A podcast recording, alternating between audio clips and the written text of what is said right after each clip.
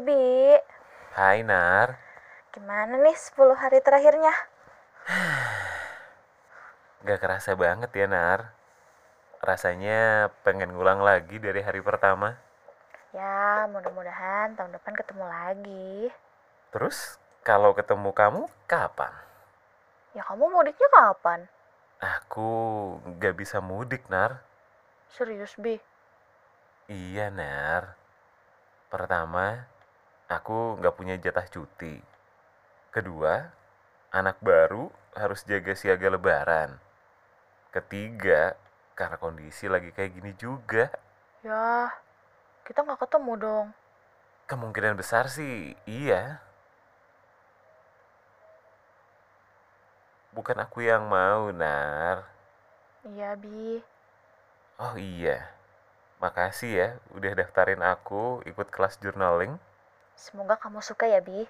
Pasti. Apa sih yang kamu kasih dan aku nggak suka? Ya kali aja. Eh kamu jadi pet promote buku aku.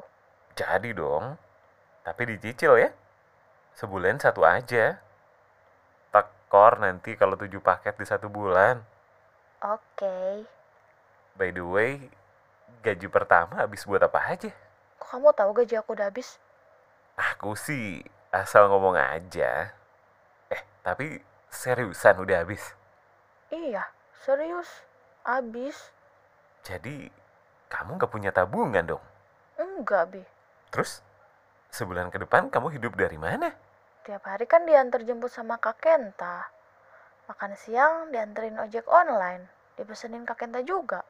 Kenta yang bayar. Iya, Jangan bergantung sama Kenta. Kalau udah kerja, kamu harus bisa hidup sendiri.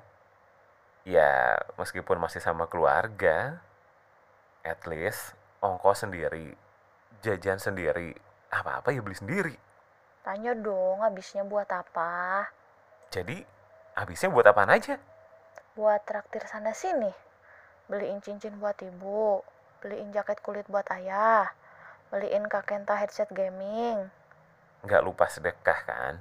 Enggak dong. Aku langsung transfer ke Tevis. Tevis. Tevis apaan? Iya, Tevis, Tenda Visi. Itu lembaga sosial tapi yang kelolanya masih anak muda. Sumuran aku gitu.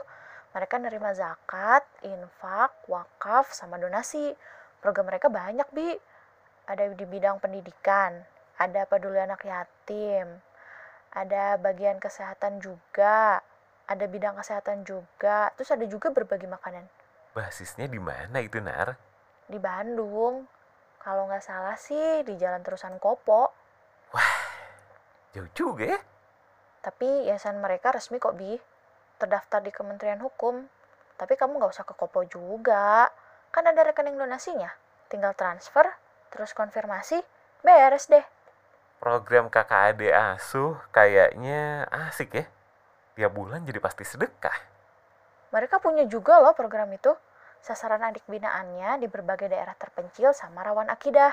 Jadi nanti kakak asuh mendukung adik asuh secara material ataupun imaterial buat ngembangin bakat sama kemampuan adik asuh sama ngelakuin pembinaan akhlak dan ngebina biar rajin belajar. Kayaknya aku mau daftar deh jadi kakak asuh. Biar tahu gimana rasanya punya adik. Syukurlah. Aku mau daftar jadi kakak asuh. Tadi kan kamu bilang mau daftar biar tahu gimana rasanya punya adik. Aku cuma lega aja. Berarti selama ini kamu nggak nganggap kita lagi kakak adean.